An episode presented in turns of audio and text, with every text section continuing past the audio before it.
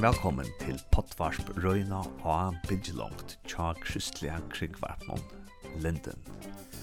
Henta samråan som tog først at høyra nå, hon er ur morgonsendingen i Linden som heter A Bidjelongt. Og samråan er klippt så løs bors at løyene til høyrast ikkje vi hesser samråan.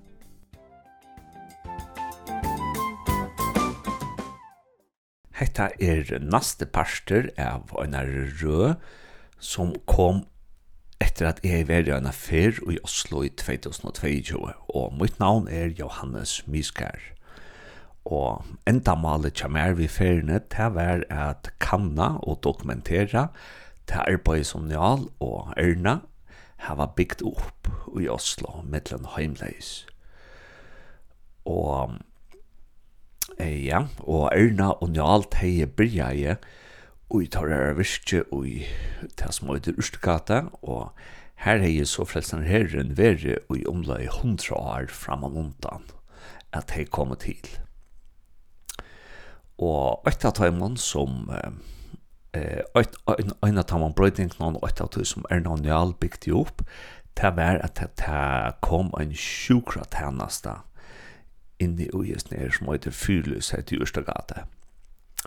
Og eh, hentan i som hon heter Feltpleien, og hon var at det var sjukratannastan av stenen, som kom til hitja til de heimleis som de hadde omkrar eh, sjukligar eh, problemer, sår og òsne sjuker i vrøver.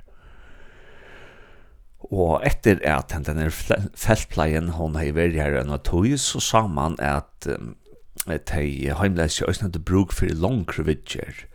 Og her var det såleis at ta vanlige sjukrahus, skipanen, hon rikkar ikkje til tei heimleise.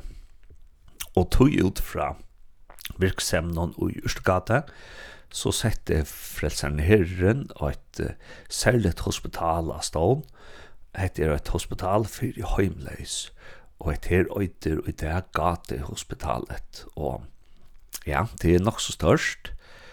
Jeg gitt kanskje at det kan sammenluknast vi støtt nå Sorøyar sjukhuse. Og i dag får vi da byrja vi at høyre et prat som er heier vi løyeren av hessner sjukhusen gate hospitalet. Musikk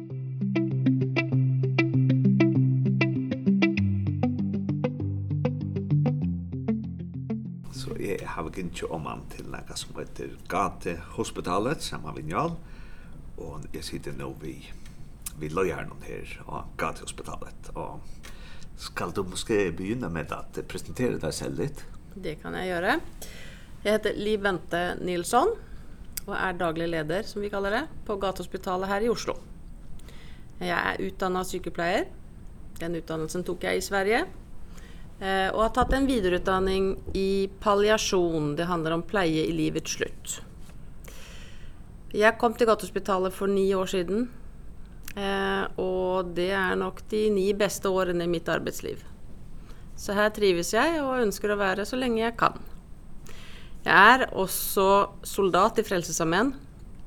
Eh, så jag har ju också min kyrkliga tillhörighet till Frälsningsarmén och har vuxit upp med det. Så jag är gott känt med Frälsningsarmén fra livet eh, genom mina föräldrar som var officerer också. Och, och vilken eh, frälsararmémenighet hör du till? Är det inne i Oslo? Nej, för jag bor i Moss och det är en eh, timme från Oslo. Ah, ja. Så jag må pendla varje dag med tåg. Ja. Och, och vi är så inne på ett som heter Gatehospitalet. Kan du förklara lite vad, vad är det? Gatehospitalet det är ett sykehus, lignende tilbud for mennesker med tung ruslidelse. Så hvem som helst, du kunne ikke fått være pasient på Gathospitalet. Utan det er for de som har levt et langt og hardt liv med rus, og som har fått fysiske eller somatiske helseplager av det ruslivet de lever. Men ikke så syke at de må inn på de store sykehusene. Så vi er en mellomstasjon imellom de vanlige sykehusene og det som finnes eh, ute i samfunnet. Eh, Gatehospitalet startet i 2004, eh, og vi begynte med en avdeling med ni plasser. Og så økte vi til en dameavdeling i 2008-2009. Så hadde vi da totalt 17 plasser. Och då valgte vi att ha en ren herravdelning och en ren damavdelning för vi såg att det var vanskligt att nå damerna och de behövde ett eget avdelning där de på något sätt kunde få lov att skärmas ifrån män. Så har vi sett också att denna patientgruppen har behov för särskild omsorg när de är så dåliga att de kommer att dö. Och att det inte alltid är lika lätt ute i det vanliga hälsoväsendet. Så i 2010 så skrev vi en rapport om det där vi sa till politikerna vi önskar att öka och ha en avdelning till, nummer 3 för att kunna ge hälsohjälp i livets slut för patienter med rusavhängighet. Den blev öppnat i augusti 2016. Så nu har vi tre avdelningar med totalt 24 sängplatser där vi har ja, Patienterna har alle typer av di diagnoser. Det er hjerteproblemer, det er mye sårstell, det er mye infeksjoner, det er mye underernæring, eh, en del psykiske lidelser. Eh, og så for de som da er i livets slutt, da er det veldig mange som har enten kreft eller nyresvikt. Eh, så her ønsker vi å kunne gi en så helhetlig og god omsorg for hele mennesket där vi både ser vad de behöver här hos oss nu och vad vi eventuellt kan hjälpa dem med eh, om de ska skrivas ut vidare och var de kan få god hjälp medan de är här. Är det liksom de samma patienter som kommer in och in igen och så känner de den? Väldigt många av patienterna känner vi från många år bakover i tid som kan komma på nya uppehåll. Men det är fortsatt nya personer Så det er stadig nye mennesker som kommer inn eh, i rus eh, og som etter hvert behøver helsehjelp. Eh, så mange av pasientene kjenner vi veldig godt, og vi blir nesten deres nærmeste pårørende. Eh, og noen vil, så fort de har skrevet seg ut, så ønsker de å få bli lagt inn igjen för att komma tillbaka för det är liksom gott att vara här. Men vi är inte no, det är en trygghet, men vi är inte ett botillbud. Så det det går inte och då ibland måste vi styra och säga si att du får så och så många uppehåll i ett år så att de kan vara med och bestämma när de kan komma till oss. Men det vi ser är ju att ruspatienterna de lever längre. De är sykare. Eh så det sker något också i denna patient i denne gruppen med mennesker at eh, når jeg begynte for ni år siden, så tror jeg vi hadde en patient som hadde fylt 60. Nå har vi nærmere 40 som vi kjenner, som har vært inne eh, som pasienter under ett år, som har passert 60. Så de blir eldre. Varför tror du de blir eldre? Fordi jag tror att helsevesenet ger de en bättre hälsohjälp och att man har detta med den här substitutionsbehandling alltså att man ersätter rusen med mediciner som man gör med metadon och Subutex. Jag tror det också kan påverka att de då också lever längre. Mm. Ja. Och att du ser där är något liksom måste vill dåligt nog ut igen för det är så tryggt att vara här. Mm. Men är det också den andra vägen att det är måske nog som här behov för att komma in på hospital men de vill inte alltså ska man det, liksom ja. bruka krafter ja, ja. på att övertala dem. Det finns också. Vi har ett väldigt gott rykte i om jag kan kalla det rusmiljö eh i förhåll till den hälsohjälpen man får här. För i här på gathospitalet så är alla i samma båt. Alla har en rusbakgrund och har lever ett hårt rusliv.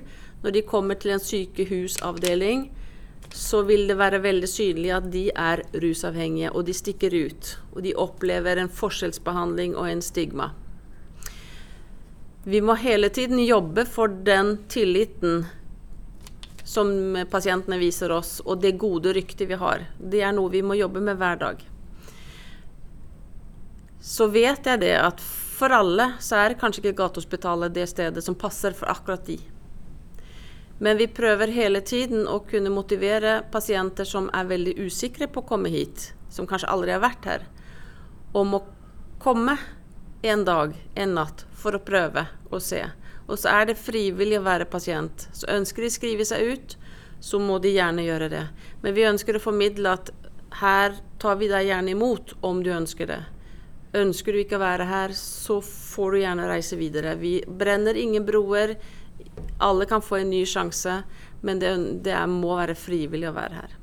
Så ja, någon kommer och reiser fort, men det är kanske mycket på grunn av att de synes det er vanskelig och inte få den extra rusen. Vi måste ge dem mediciner. De är kanske rädda för att de ska inte få nok mediciner. Så det er en balansegang, men de fleste är godt kjent och har varit där för och vi har en god dialog med de under opphold. Og, og um og, og er det så en forbindelse mellom det arbeidet her og så det som Frelsesarmeen har i Ørstegata? Liksom. Det er det. For i Urtegata der har det på Fylyset der har du altså en feltpleiestasjon. Det er jo en helsestasjon for, for mennesker med rusavhengighet, der de kan komme drop-in ja. eh, i, på, i hverdagen, ja. ruset eller ikke. Eh, og sykepleierne og legene der, de kan jo sende en söknad henvisning till oss och säga si att nu har vi en här. Den behöver ett uppehåll på gatuhospitalet. Fordi den behöver hjälp med sår. Den behöver hjälp med en utredning för vi vet inte vad är sjukdomsbilden. Eller den behöver hjälp för att få genomfört utredning och undersökelser på sjukhus. Och det klarar de inte när de är ute på gatan. Men om de kommer hit så kan vi pröva att hjälpa dem så att de klarar att möta upp till de timmarna och få gjort den utredningen de behöver göra. Så vår link är väldigt god och väldigt tätt samman med fältplejen, hur de kan möta de i vardagen och så kan de när det är illa så kan de söka patienten in till ett uppehåll hos oss och då samarbetar vi. Så det och, och, och så tänkte jag med eh, du du har sikkert arbetat på allmänliga hospitaler og kjenner mm. lite allmänliga hospitaler vad är det likheter mellom allmänliga hospitaler och så Jers hospital alltså tar vi forskjell på mm. Likheten her er jo det at her er det jo helsepersonell, det er leger og sykepleiere som det er på sykehus. Eh, det er viktig for oss at det er en god fagkompetanse på, på gatehospitalet. Fordi dette er en pasientgrupp som gjerne ikke søker helsehjelp och vi vet att rus skjuler sjukdom. Så när de väl söker hälsohjälp och tar emot och önskar att komma så vill vi att de ska få den bästa hjälpen med de bästa fagpersonene når de vel kommer. Så jeg gjør noe for det faglige miljøet. Så jeg har etterutdannelse og liksom, hva heter det, stimulerer den gode faglige samtale. Vi prøver det. Vi har fagdager sånn at vi hele tiden skal kunne fylle på. Sånn at vi hele tiden prøver å være faglig oppdatert. Og så er det noen felt vi tenker her må vi ha litt mer eller ekstra kompetanse. Så prøver vi å se til at vi kan få det inn gjennom at noen kanskje tar en videreutdanning eller et kurs. Um, men den store gevinsten er når vi har fagdager der alle kan ta del av det. Sånn at vi får gode forelesere som kommer til oss istedenfor å sende noen få på, på egne utdanninger. Eh, men så är det det att det är också viktigt att de som jobbar här har en väldigt en personlig egnethet och ett engagemang. Så det er heller inte for vem som helst att jobba med denna patientgruppen. Du må tåla att sitta vid ett matbord sammen med en person som kanske ser skitten och sliten ut och som har mistet tänder och och du ska kunna tåla att hämta mat fra samma bord. Vi ska tåla att sitta och snacka om livet sammen. Eh, og for noen kanskje det ikke passer, og det er helt greit. Men for noen som da kjenner at denne pasientgruppen har et ekstra hjerte for, da er Gatehospitalet et godt sted å jobbe som ansatt. Og hvis vi tar forskjellene, det er sikkert mange. det er mange forskjeller. Forskjellen er det at vi har bedre tid. Vi er et mindre, et mindre sykehus, vi önskar å ha bättre tid med patienterna än vad man kan räcka på ett stort sjukhus. Där är det mycket mer som sker, mycket mer tempo. Ehm um, så jag tror det kanske att vi är en mindre enhet, vi har bättre tid, vi önskar å se mennesket bak rusfasaden. Och vi har en god erfaring och kunskap när det gäller rus. Det gör att vi är forskel från sykehusene. For vi vet kanskje mye mer om ruspasienten og dens liv, eller hvilken effekt eller hvilken påvirkning rusen har på livet. Eh, både sosialt og fysisk og psykisk. Eh, og det gjør vel at vi sitter med en annen kunnskap enn man kanskje har ute på de vanlige sykehusene. Og, og så sier du at, at I fokuserer på helhet i pleien, mm. og vi ser det eh, hele mennesket. Mm. Og hvis nu jag spör dig så lite mer personligt och privat eh när man ska ta ett helhetssyn så så är kristendomen måste ett gott grundlag. Mm. Vad vad betyder det för dig att du är kristen? Hjälper det dig med att ge ett bredare perspektiv på på människan? Jag tror att det att jag är kristen är en faktor som är med men jag tror att jag som person vill se människan oavsett. Men jag tror att jag har med mig någon extra verktyg som gör att jag har en jag kan förmedla en en kärlighet vidare som som jag både jag kan ta del av men som jag kan förmedla vidare som en möjlighet för patienten också. Vad också med ett människosyn att du ser människan som skapte Guds bild Jag tror det påverkar att uh, jag ser alla människor som värdefulla och att vi alla är en unik plats uh, och att vi alla ska mötas med respekt eh och att vi ska alla behandlas eh, respektfullt och på lik linje. Vi ska inte forskjellsbehandla. Det är väldigt viktigt för mig. Eh och det självklart det blir säkert ännu starkare i lyset av att jag också är kristen. Att jag önskar att se alla människor och ge alla en chans. Och så till sist så tänkte jag, vad har du läst? Så du har varit här i eh, nio år. Mm. Vi kan måske ta det i tre eh, nivåer. Så vad har du måske läst om, om det fackliga? Och så kan vi ta, vad har du läst om liksom, hela det stora systemet, eh, det tvär professionella eller tvär mm. samarbete med alla de andra mm. institutioner. Och så till sist, vad har du måste läst om dig själv i de här nio år? Mm Så hvis vi tar det første først, hva har du lært om? Om ditt fag vet at arbeide på et så annerledes, annerledes hospital som Gadi-hospitalet der? Jeg har lært og sett at uh, det å være sykepleier gir uh, veldig mange muligheter i hvordan du kan jobbe og på hvilken måte du kan jobbe. Eh, og jeg har jo selvfølgelig lært meg veldig mye om rus og uh, ulike typer rustyper om vi ska tacka om det som fag. Men nu är det så att jag har vuxit upp med socialt arbete genom att mina föräldrar jobbat som officerer på sociala institutioner med rusmissbrukare. Så för mig så har jag på något sätt kommit hem när jag kommit till gatuhospitalet. För det har varit min uppväxt, mitt liv genom min familj och jobba med utsatta eh, människor i samfunnet. Och sett hur mina föräldrar har jobbat på sidelinjen Och nu kan jag själv få lov att vara med och och på sånn sätt jobba vidare med det. Jag känner mig hemma. Altså, hvis vi forbinder Gatehospitalet med andre institutioner, som jeg har lest om det tverfaglige og tversektorielle samarbeidet. Jeg har lært at Gatehospitalet er en veldig viktig plass. Og at det er veldig viktig å ha en særomsorg for mennesker med ruslidelse. Mm og derfor fyller Gatehospitalet en veldig viktig funksjon. Vi kan ikke konkurrere med de store sykehusene, eh, men vi kan komplettera. Vi kan bidra med noe mer. Och det tror jag är också väldigt viktigt eh, i förhåll till den totala samfunnsøkonomi. För om vi kan ge en god hjälp så kanske vi förhindrar reinläggelse som kostar väldigt mycket pengar för samfunnet om vi kan hjälpa till så kanske vi också kan påverka eh, bruken av de stora sykehusene på en god måte. Ehm jag ser att det är en större vilja till ett samarbete att vi ska kunna byta kunskap och erfaring.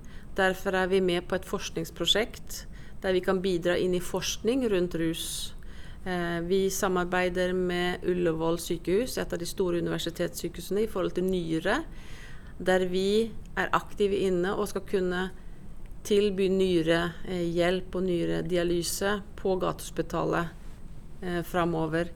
Eh, så jeg tror at vi kan bidra inn tverrfaglig på en veldig god måte for å få være stemmen for ruspasientene.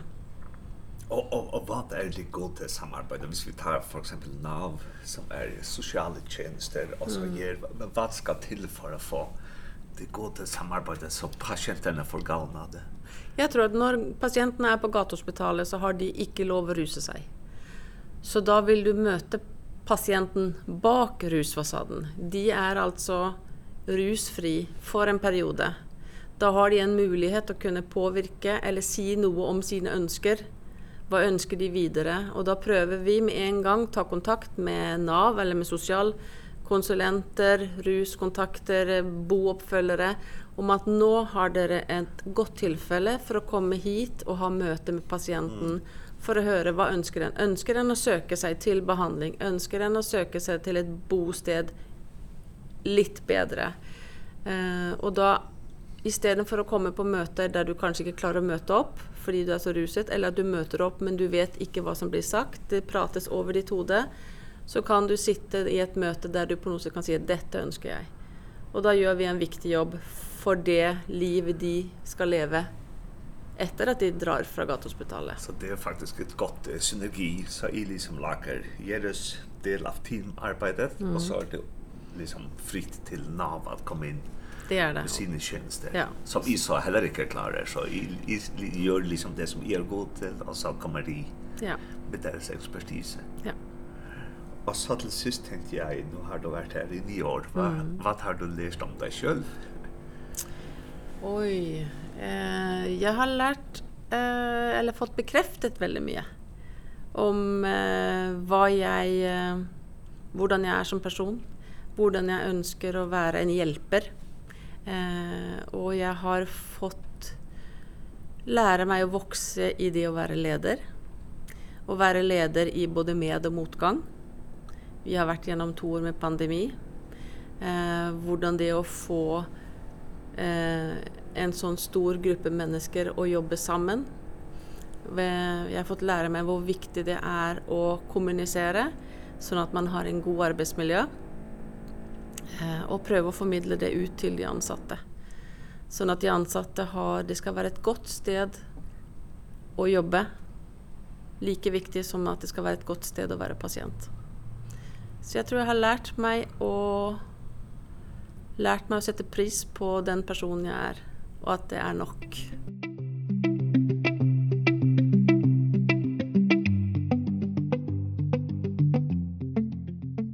var så løs at ta ui Erna og Njal, de arbeidde jo i Ørstogate i middelen de heimleise, så fink de nekvar gavar viner.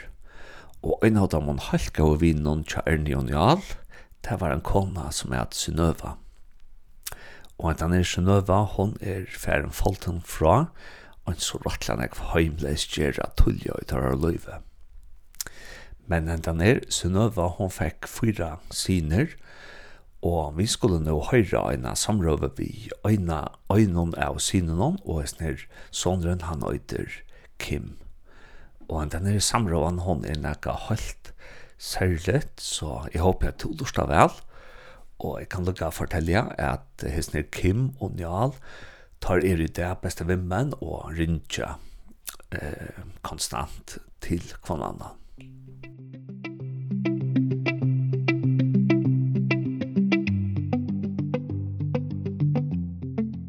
Jeg sitter her med Kim. Og Kim, kan du måske begynne å fortelle om, om ditt liv hvis vi begynner med at du var barn?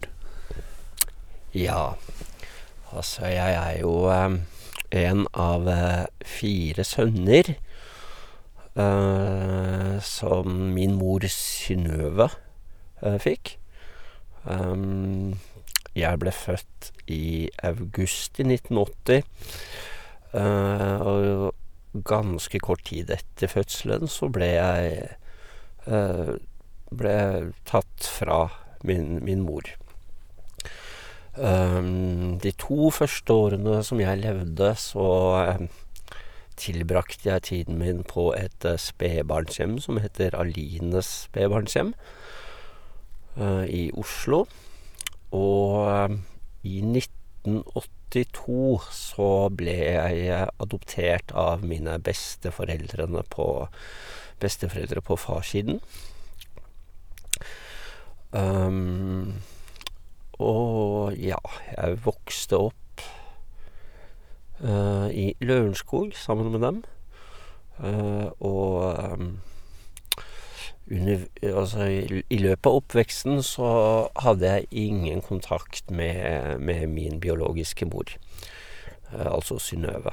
Uh, jeg fikk heller aldri vite noen ting om rundt hennes liv, uh, og hvorfor hun ikke uh, kunne ta vare på meg. Um, det ble... Uh, det ble holdt igjen veldig mye informasjon. Og ja, nei, jeg visste, visste rett, rett og slett ingenting. Og, og visste du hva hun het? Ja, det visste jeg. Jeg visste at hun het Synnøve. Eh, og at hun var eh, rusmisbruker. Det var det eneste jeg visste på, på det tidspunktet. Um, men eh, Uh, jeg var jo så heldig at jeg fikk lov til å se henne på TV. Uh, for jeg fikk høre det at hun var med i et program på TV2 som, uh, som heter Oppdraget. Uh, hvor, hvor du da fikk 72 timer på å utføre uh, et oppdrag eller et prosjekt Um, og i den ene episoden så skulle de bygge denne suppebussen som Frelsesarmeen fortsatt har den dag i dag. Og, um, og på det programmet så var da Synnøve med og ble intervjuet, så jeg fikk lov til å se henne. Um, og jeg fikk et lite inntrykk av henne, men... Um, men ikke noe utover det. Um, og, og, og visste du at, at det var din mor da du sa programmet, og det var Sjønøve, så visste du at det, det er mor? Det visste jeg, ja. Uh, det hadde jeg fått høre gjennom uh, en tante, uh, som, uh, eller altså, søsteren min, uh, det er en litt sånn, uh, vad ska jag säga liksom eh komplicerad historia. Eh men men systern till faren min alltså. Eh som som då är tanta min men som som jag kallar syster för det jag jag är adopterad och jag jag växte upp där jag gjorde så så blir det naturligt för mig att kalla henne för syster. Eh och hon hade kontakt med Synöve. Så um, så det var genom henne jag fick höra om detta programmet. Um, men jag fick också höra en del andra ting um, som jag ska komma tillbaka till. Um, faren min, um, han døde dessverre da jeg var liten. Uh, han døde natt til lille julaften 1985 uh, i en alder av 26 år. Så jeg fikk heller aldri muligheten til å bli ordentlig kjent med han heller. Ehm um, uh, ja, uh, både både min mor og min far fikk jo uh, til å begynne med besøkt besøksnekt.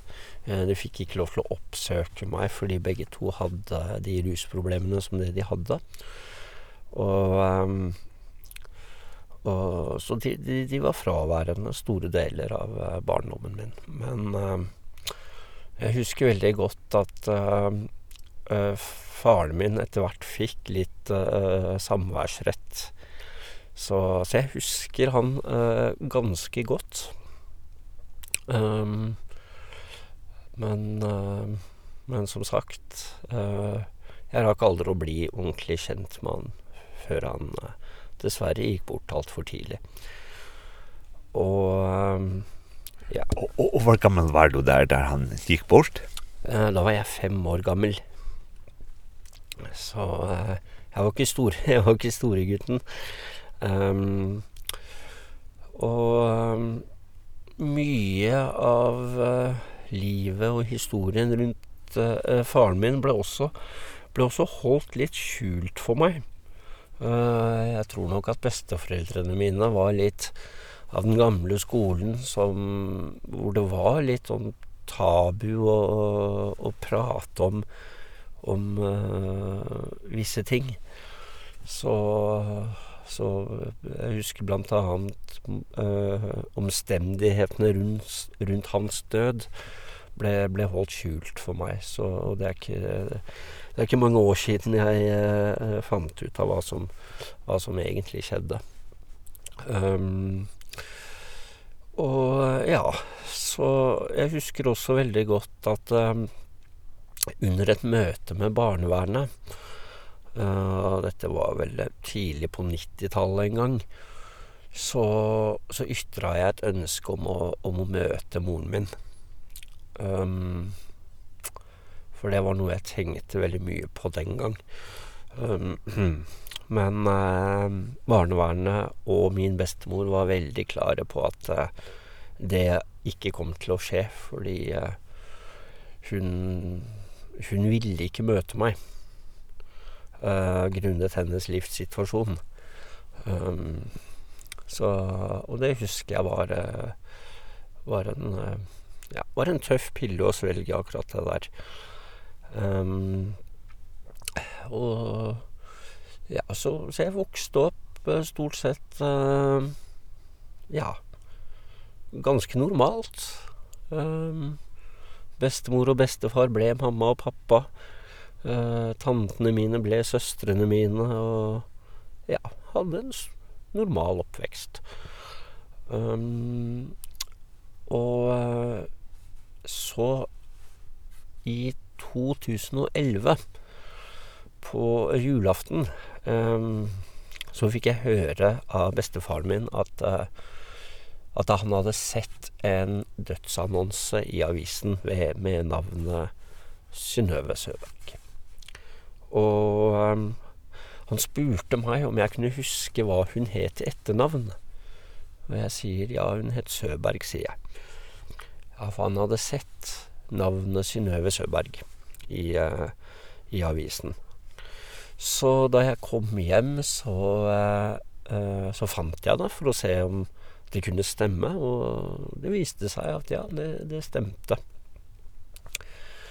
Um, og i den uh, uh, dødsannonsen henne så sto også Fjellhamar eller altså Frelsesarmeen på Fjellhamar sto nevnt. Um, Og en stund senere så befant jeg meg helt tilfeldigvis på Fjellhamar. Og plutselig så så jeg et stort hvitt bygg hvor det sto Frelsesarmeen. Uh, og jeg husker veldig godt at jeg sto og, uh, og lurte på om jeg skulle gå inn og forhøre meg om min mor. For jeg visste at det må da være noen der inne som kjente henne. Uh, Men samtidig så var dette det var veldig skummelt. Det var litt jeg visste ikke helt om er dette noe jeg bør rippe opp i. Um, så jeg sto lenge utenfor og tenkte. Men uh, til slutt så bestemte jeg meg for å ikke gå inn og bare gå, gå videre. Um, og det, den avgjørelsen plaga meg i, uh, i mange år, i syv år. Uh, plaga dette meg, at jeg ikke hadde benyttet den muligheten når jeg fikk den. Og, um, og um, i, i 2018 så, så var jeg selv i, uh, i rusbehandling. Og uh, bestemte meg for at nå skal jeg ta litt tak i, i dette her. Uh, Så da tok jeg til meg motet og, og tok denne telefonen til, til Frelsesarmen. Um, og da kom jeg i um, kontakt med, med Njål,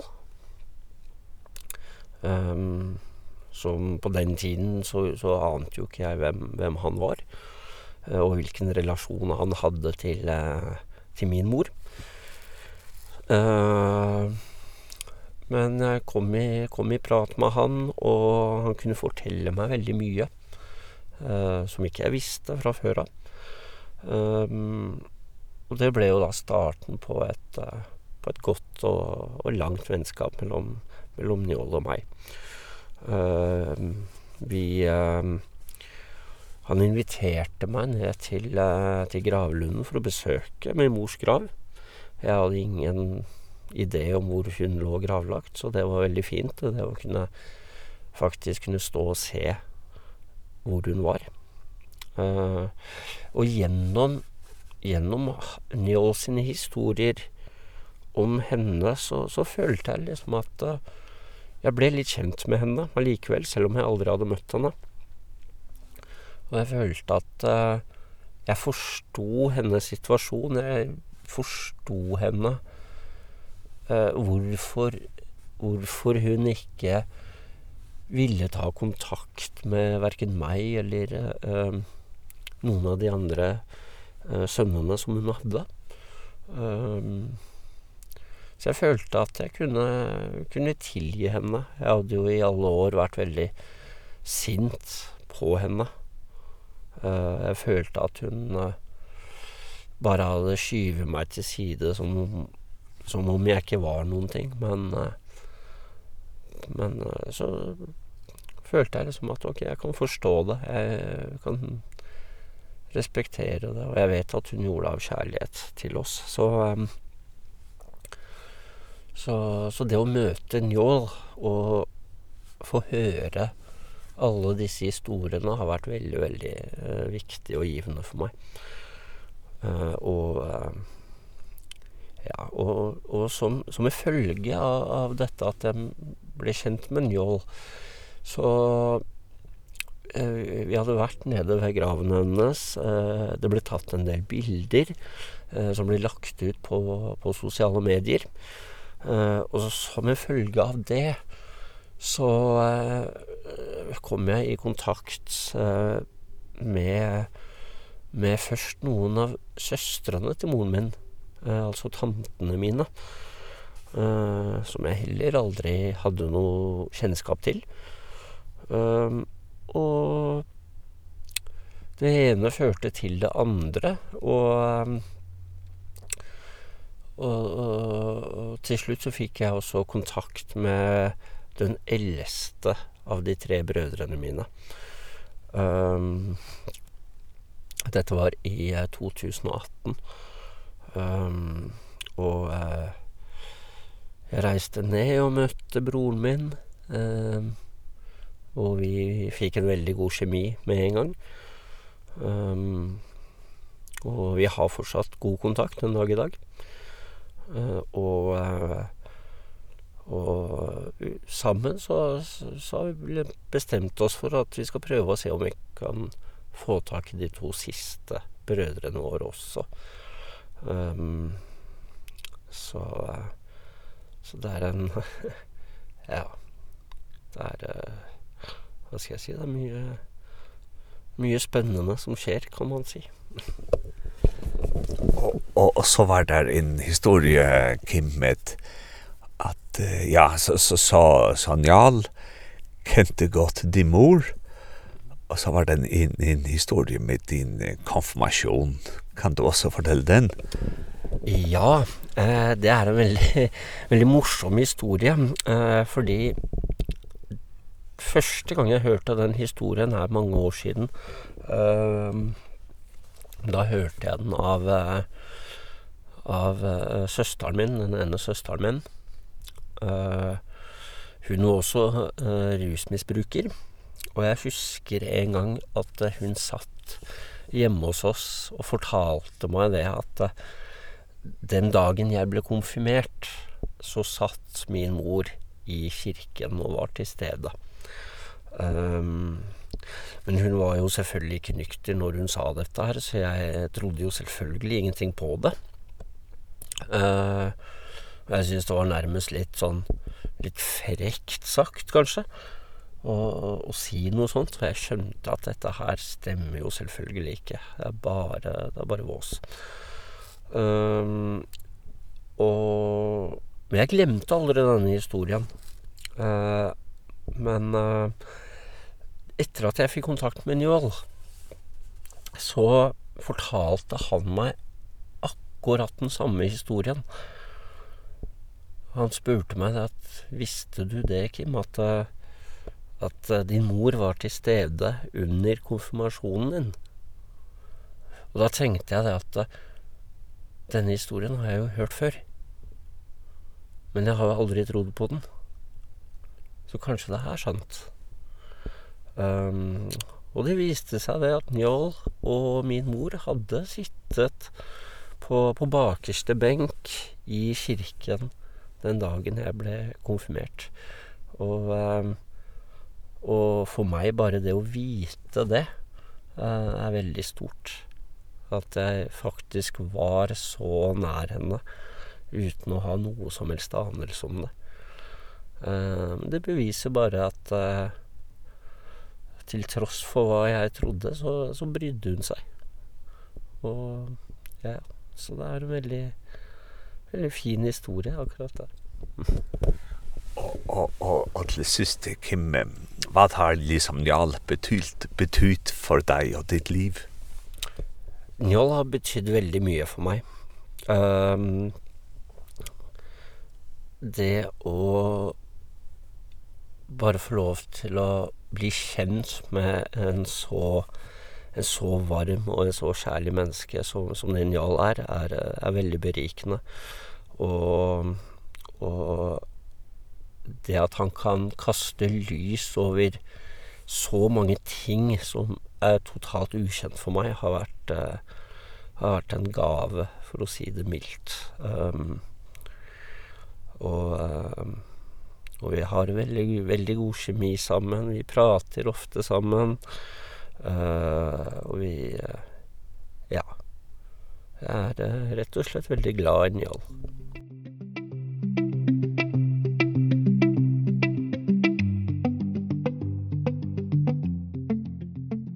Og en annan som gjørtes den gode viner til Ernie og Njal, det er en som heter Svein Roar. Svein Roar har vært miss, rusevnes misnøydere. Og jeg fikk løyve til at tåsa vi Svein Roar, og han fortalte meg sånn av livssøve. Og jeg ser samrådene sko ut til høyre nå, og han får fortelle om sin barndom, og sin vei inn i rusevnes misnøysle, om sinna trygg og eisne om sin vei ut ur rusevnes misnøyslene. Til såleis at frelsnar herren teg djeva et blæ ut som heter krigsråpet, altså kruksråpet, ja. Og heter blæje, ta plea teg ui taverande samkommet tja Njal og Erne, og Njal gonger i hesa samkommet igjen, og De pleia a fære ut til et handelssenter som heter Storstrøm Centret, og så pleia de a byta etter blei og kjøpes ut til folk som koma fram i. Og en dagen medan de er og døyle etter blei ut, så kommer uh, en som heter Svein Roar forboi, og han fær et blei fra Esner Alf. Og heter blei som Alf, nei, omskilt heter blei som Svein Roar han fær, og det talar størst til han, og han byrjar så genka i frelsnaren her samkomne, tja Erni og Njal. Og Erna og Njal, de så gaur viner eh, tja Svein Roar. Og i praten om som tog nå først å høyre, vi Svein Roar, her forteller han om at han møter eh, sånn her kone Torelt, og den her Torelt, han døg for två måneder, så igjen, og nu bor Svein så ensam atler. Svein Roar, han dår ser vel at spela gitar og synja og ta ideal nu for rundt til samkommer halta møter så hever han alltid Svein Roar vi og her synker Svein Roar og spiller gitar og han forteller sin vittnesbord av møtene og ja og de skulle høre et sera godt prat og jeg snir Svein Roar han er ekvelig kjemtingar samer, men han røysni alvorligere, så ja, njóte bare etter prate.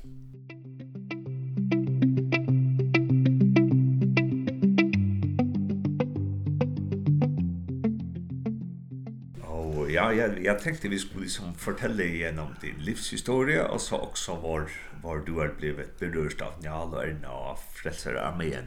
Ja. Ja, skal vi måske starte med, med din barndom. Husker du mye fra din barndom?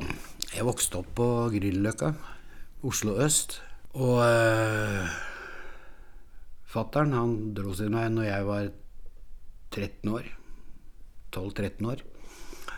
Og da ble mamma alene med tre gutter, Akkurat som Maria. ja.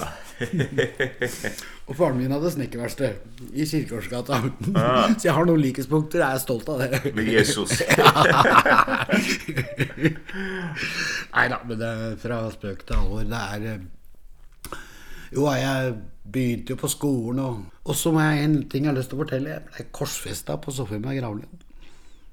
Altså litt overført betydning da. Jeg, vi lekte sånn slengtau fra det ene tre til det andre. Mm.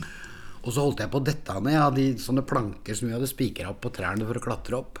Så hogg jeg tak i en planke og kjører en firetomt spiker tvers gjennom hånda. Oi.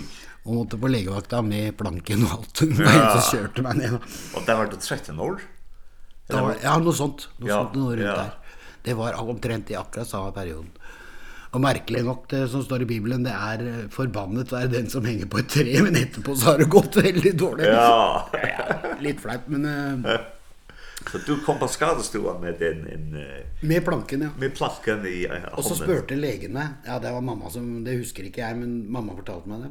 At legen spurte meg om jeg ville beholde planken. Nei, jeg ville ikke det. Men det angrer jeg på i dag.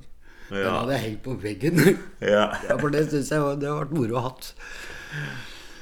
Men da var jeg litt sinna og litt irritert, så det sa jeg at nei, det vil jeg ikke ha. Nei. Men det var litt rar på det. Og så fortsatte jeg da. Gikk på skolen og var opprørsk som bare fy. I opprør mot alt og alle. Og så gikk det videre, og så... Jeg husker, jeg husker i konfirmasjonen til min eldste bror, Da var jeg og en kamerat av meg, vi gikk ned i kjelleren. Da måtte kjøpt inn noen pils da, og vi drakk jo opp alt sammen, så vi ble jo sengeliggende begge to. Jeg husker tanta mi måtte drive og... Så da begynte min... Men da fikk jeg nok for en stund, tror jeg. Men etter det så drakk vi mye. Vi vanka på et sted vi kalte på Gravaren. Det, det heter Sofienbergparken i dag. Det het Sofienberg Gravlund den gangen. Og der satt vi og drakk, og alle de kamerata jeg satt der sammen med, er død i dag. Ja. Alle levde røddere i livet meg. Ja. Så der har du vært 15, 16, 17 år. Ja, nå begynner vi å komme dit omtrent. Ja. Når jeg var rundt 20 år, så prøvde jeg amfetamin. Og da var det gjort. Ja. Da ble jeg frelst. ja, det ble ja. helt... Ja, ja. Det skjedde der nok et måte fikk amfetamin. Ja, jeg tok helt Ingen som kunne ane at jeg brukte noen stoffer da, det var jo så klar og nykter som det gikk an å bli. Når jeg fikk i meg det stoffet. Alt ble lettere. Og så utviklet dette seg og... Og så, jo, så ble jeg sammen med Toril da. Flyttet sammen med henne. Ja. Og så tiden bare gikk, og vi brukte amfetamin begge to. Ja. Vi begynte jo med noen sånn slankepiller, det var det første. For det var liksom, det var lovlig på en måte. Det var, jo, det var, jo, det var lovlig å drive med det, det var liksom bare slankepiller det. Men Men det er det holdt det. Altså. Nei, men den fant jo metamfetamin, den sterkeste type, helt. Men du ble jo veldig klar i huet, og du pratet mye. Men folk som ikke kjente meg hadde ikke sjans til å se at jeg var noe ruset de som kjente meg og så kjente mm. fakter og alt mulig sånn, ja. kunne se det, men ikke, ikke ukjente, det var ikke sjans. Og så gikk dette videre da, da etter noen år så ble det jo, som sagt, det er ikke no stairway to heaven, det er, det, det er ikke mulig å Det er ikke det som det virker som i utgangspunktet. Det ble begynt å bli Og da husker jeg Da husker jeg når jeg Når jeg var på Som barn Så gikk jeg jo på søndagsskole, på frikirken og alt dette her. Og da fikk jeg jo litt kjennskap til akkurat Jesus. Og han var jo Verdens snilleste mann. Det opplevde jeg. Men så gikk jo dette i glemmeboka i lange tider da Mens jeg drev med stoff og alt dette her. Så begynte jeg å få problemer igjen Og da begynte jeg å lese i Bibelen. Mm. Da var jeg helt krampe. Alle vennene mine prøvde å kjøpe andre bøker til meg, alt mulig, men det var, jeg er glad jeg gjorde det. Ja. Veldig glad jeg gjorde det. For det jeg lærte meg der, det er, som jeg har sagt før, det gamle testamentet lærte meg litt om hvem jeg er. Og det nye testamentet viste at det, det fantes nåde. Mm. Og da så jeg han fyren der, og jeg. Og så var det Toril igjen, da, at ateisten. Vi var på biblioteket så fant jeg, fant jeg en bok som heter Kritisk syn på kristendommen, og den leste jeg. Og det er jeg veldig glad for at jeg gjorde. For akkurat kristendommen, Jesus og evangeliene, tåler all kritikk. Du greier ikke å sette deg fast, uansett hva du prøver. Altså, jeg prøvde å være så kritisk jeg kunne, og det lærte jeg noe av. Ja. Men det er en del, liksom det mer praktiske. Jeg hadde en bror som hadde noen drosjer, Og han hjalp meg i gang da, så jeg fikk eh, drosjelappen og begynte å kjøre drosje. Og det gikk jo noen år. Og, og så... Og der tar du stadig vekk amfetamin, eller var det liksom... Eh, det var skyvig vekk. For det var liksom, jeg ble... Akkurat som jeg... Det suget ble borte, tvert. Mm. Men eh, vanene var igjen. Så jeg var borte ting igjen igjen, og det tok lang tid før jeg liksom greide å... Men det endte opp med en avversjon mot alt som heter, alt som heter kjemikalier i dag. Nå er jeg der, altså. Jeg orker ingen. Jeg vil ikke ha noen kjemikalier. Ja, nei, vi har hatt veldig mye med hverandre å gjøre, jeg og Njål. Jeg har reist Østlandet rundt og alt mulig. Kan du huske første gang du møtte Njål og Erna? Det første jeg møtte var Alf. Toril og jeg gikk forbi, vi gikk på, på Strømmen Storsenter. Så husker jeg han, Alf satt der veldig, en kamerat, en annen soldat. Ja. Du vet hvem Alf er. Og han uh, satt der med krigsrop i hånda, og så var det Toril som gikk bort den, og dem fikk veldig god kontakt, Alf og Toril også. De prata mye sammen. Han kom og besøkte oss etterpå greier. Da gikk jeg ut og la dem prate, tenkte jeg. Det er, for dem var mer like enn meg og Toril. Ja. Toril, vi var helt forskjellige. Og det var mer like, så jeg følte at de pratet veldig godt sammen, og at du hadde veldig godt av det. Og det tror jeg var riktig. Så døde jo Erna først. Altså, hun var jo med meg når jeg spilte sang til friheten i, burs, i begravelsen bursdagen, sier jeg til Erna. Når vi flyttet til Skien, etter at vi hadde etter at vi hadde blitt kristne, da liksom hadde åpnet oss for dette her, så våkner Toril midt på natta i Skien. Vi kjøpte et hus der nede. Og da våkner hun, og så spretter hun opp i senga, og så sier hun, jeg så Jesus. Og da så reagerte jeg. For det var rart, altså. Det var ikke, hun skulle ikke si noe sånt. Det var ikke, nei, det var langt fra henne å si noe sånt som det der. Og hun visste at det var han. Alltså vi var ju var vi lite sammen menighet och sånt, da ble jeg sinna. Så sa de at det var ikke Jesus, det var sikkert en engel og sånn begynte de folka i menigheten. Og da ble jeg rett og slett irritert. Og så sa jeg da, hvor i all verden fikk hun da navnet Jesus fra? De kjente ikke Toril så godt da. For hun var, Toril sa ikke så mye, men Nei, men hun var, hun var djup och och du fortalte att att naturligt du det så fant du henne för det med bedden här. Ja, jag vet det. Och då var det jag var upptatt av och jag hade hantverkare på köket som drev och bytte några grejer där. Och så lå Toril, då var det helt sengeliggende. Da var jag ikke ute engang. Og da så jeg bort på henne der, for jeg var innom hele tida. Og da så jeg bort på Toril, men Og da så jeg lå med folda hender. Og det har jeg aldri sett på 50 år at hun har folda hendene. Så det er rart. Det er smukt. Ja, det er smukt. Helt klart. Njål sier til meg, han skjønner ikke at jeg har holdt meg oppe den tida etter at Toril døde.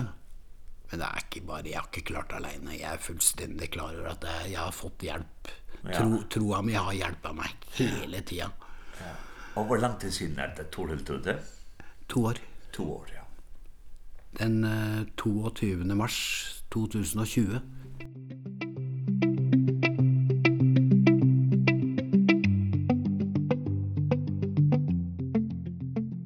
Det senast som Svein Roar just fortalte, det var at kon hans har tårult, hon døye kvile knapplega fra Svein Roar. Og ta gjør han så til at han yngste, yrste, han yrste en sang til Torhild, som Svein Roar så sang av gjerarferdene. Og han denne sangen fikk løyve at opptaka her som Svein Roar spiller og synker, og han denne sangen han skulle vidt høyra nu. Thank you.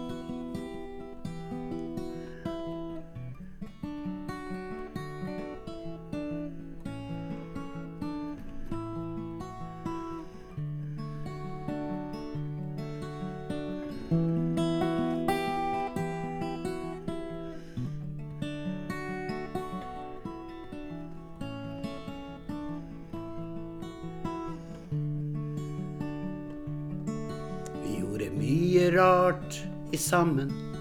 Mye fint i gode tider, men det var også slit og strev.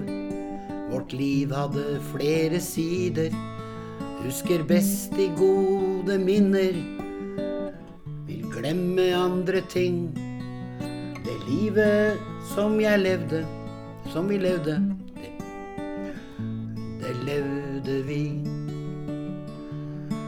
Brått en dag så ble du borte. Jeg innser mer og mer.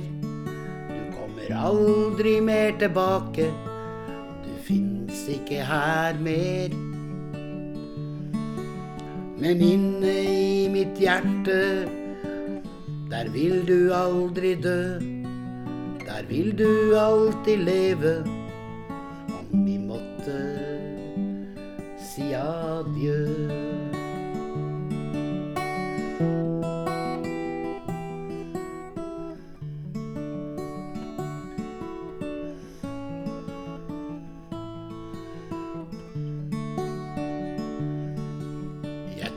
skjønte lenge hvordan dette ville gå. Du hadde kommet til refrenget, du måtte avslutte nå.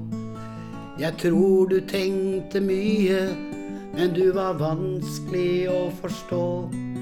Hva du sa og hva du mente, det kunne ikke jeg forstå. Brått en dag så ble du borte. Jeg innser mer og mer. Du kommer aldri mer tilbake. Du finnes ikke her mer. Men inne i mitt hjerte Der vil du aldri dø. Der vil du alltid leve Om vi måtte Si adjø.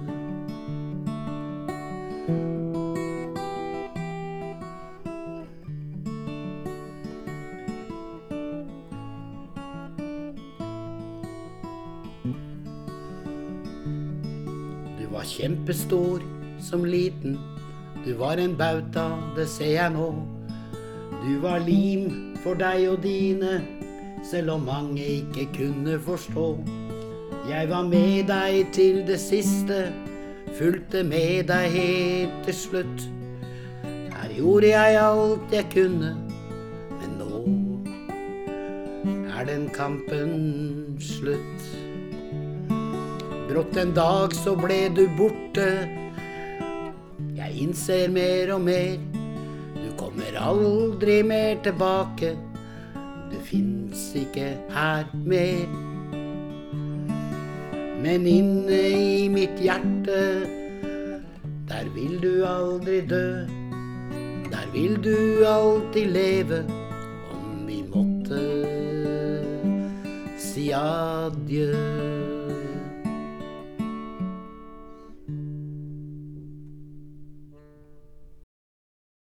hørte vi det at uh, Svein Roar, han sang kent han er som han yrste til kona tjas.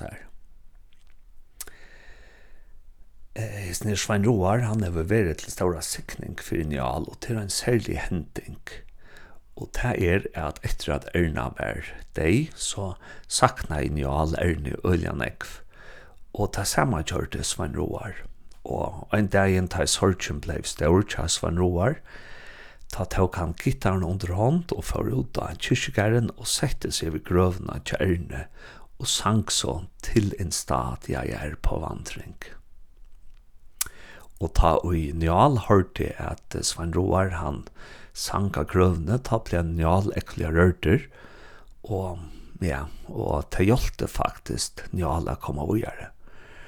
Og jeg fikk også en løyve til at ta kan denne sjansjen opp, og Vi Svan Roar, her han synker til en stat jeg er på vandring.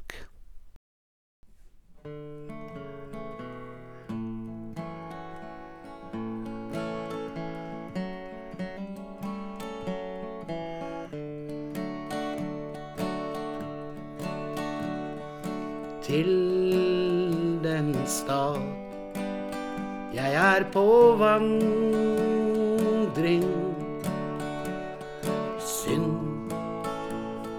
er alltid utenfor. Livets tre står der i blomstring. Der hvor roser aldri dør. Her for sesongen. Snart de visner ned og dør. Til den stad jeg er på vandring.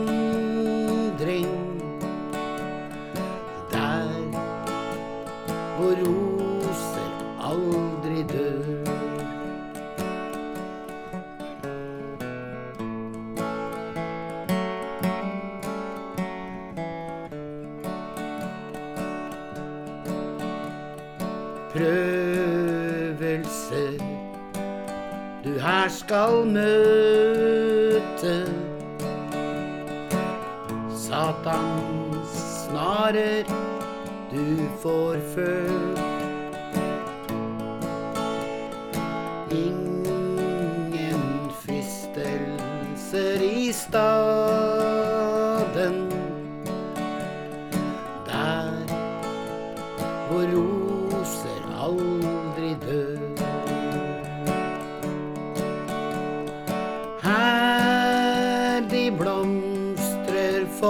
säsongen Snart vi vissnar ned og dør. Til den stad jeg er på vandring.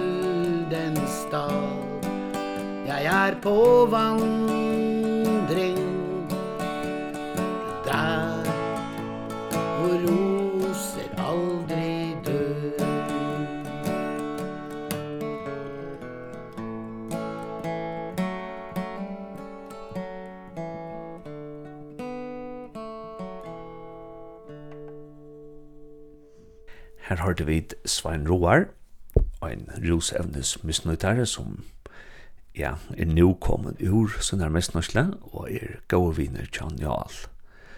Og hette var så østen i enden og eh, hesten er nesta parsten og hette er en rød som har flere parster og denne røyen finnes det østen som pottvarp. Du skal bare løyte etter føringar hjelpa ui Oslo. Og det kan du gjøre Spotify eller Apple Podcast eller hver enn til lusler etter podvarspån. Og ja, hette er virkelig gode sendingar, så jeg vil bare si at også om om du kanskje skalt inn i Spotify sida døyl, og så sender det til omkran som for glede av å lust etter til øysene. Til øysene nekker mynter som jeg har tidkje, ja, jeg ser feriene som vi vær i Oslo, og hans herre her kunne suttjast av linden.fo.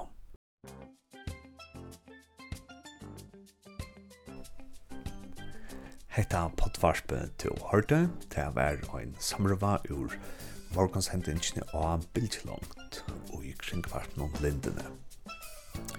Og om du vil høyre fløyre samrøver fra av bildslångt, så kan du bare løyta etter hysner, og er noen bilds langt og i tog potvarspespilleren som du pleier å bruke og her er det såleis at hvis du truster av til rinjeklokkene som er nere under navnet så er det såleis at filter pat fylger non og øyne at hver jeg fer ein nutje parster kommer ut så først då en notifikasjon eller en bo om at nå er nutje parster kommet ut så heter det ordentlig snilt er færre inn og finna røyna bildje langt og så trusta av hese her ringeklokkene som er her.